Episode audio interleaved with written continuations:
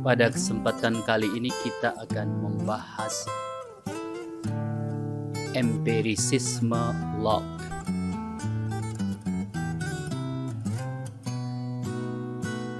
Menurut John Locke, pikiran kita atau mind dia menyebutnya itu seperti kertas putih. Ya. Tidak ada tulisan, tidak ada coretan, tidak ada gambar, kosong, tidak ada apa-apa. Pikiran kita itu seperti itu, kosong. Tidak ada isinya itu tidak ada ide, tidak ada pengetahuan. Itulah eh, kondisi pikiran kita pada awalnya itu menurut Locke. Nah, lalu yang menjadi pertanyaan ketika di dalam pikiran kita ini ada sesuatu yang kita pikirkan, ya, dia menyebutnya ide, disebut juga dengan pengetahuan.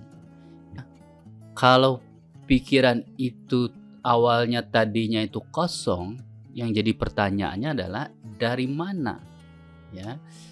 ide atau pengetahuan itu sampai masuk ke dalam pikiran kita. Locke membagi ya dunia ini dua macam. dunia dalam pikiran kita yang dia sebut tadi pada awal mulanya kosong dengan dunia di luar diri kita. Di dunia di luar diri kita ini atau di luar pikiran kita ini ada objek-objek ya yang di luar pikiran kita ini atau objek eksternal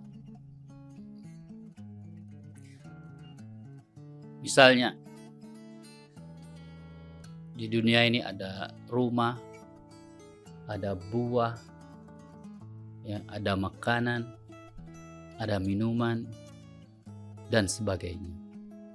Kita ambil contoh. Gula misalnya ya. Di dalam toples itu ada gula. Ya. Yang dimaksud dengan gula di sini gula ya yang ada di dalam toples itu yang berada ya di luar diri kita. Nah, bagaimana cara kita mengetahui rasa gula itu? Untuk mengetahui rasa gula itu menurut Locke ya, kita perlu menggunakan indera ya pengecap kita cicipi gula itu, kita makan, nanti muncul sensasi ya di indera pengecap kita itu. Itulah yang disampaikan ke dalam pikiran ya. Pikiran kita kita berpikir ini rasanya apa. Kemudian apa yang ada dalam pikiran kita tadi tentang rasa gula tadi kita ingin menyampaikan kepada orang lain.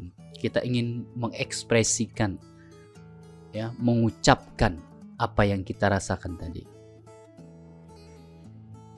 Karena kita adalah orang Indonesia, maka kita mengatakan gula itu manis. Jadi pilihan katanya adalah manis. Kita kembali ke pertanyaan sebelumnya, bagaimana atau dari mana kita memperoleh pengetahuan? Secara psikologis, bagaimana proses pengetahuan itu kita peroleh? Atau sensation. Prosesnya itu seperti ini. Jadi, pertama itu ada objek eksternal di luar diri kita. Tadi contohnya adalah gula ya. Kita tahu bahwa gula itu manis setelah kita mengecap gula itu setelah kita mencicipi gula itu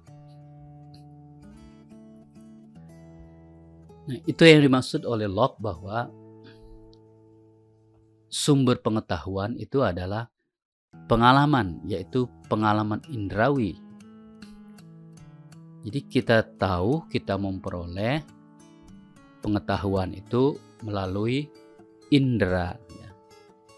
Setelah indera kita menangkap, mengobservasi objek eksternal yang berada di luar diri kita.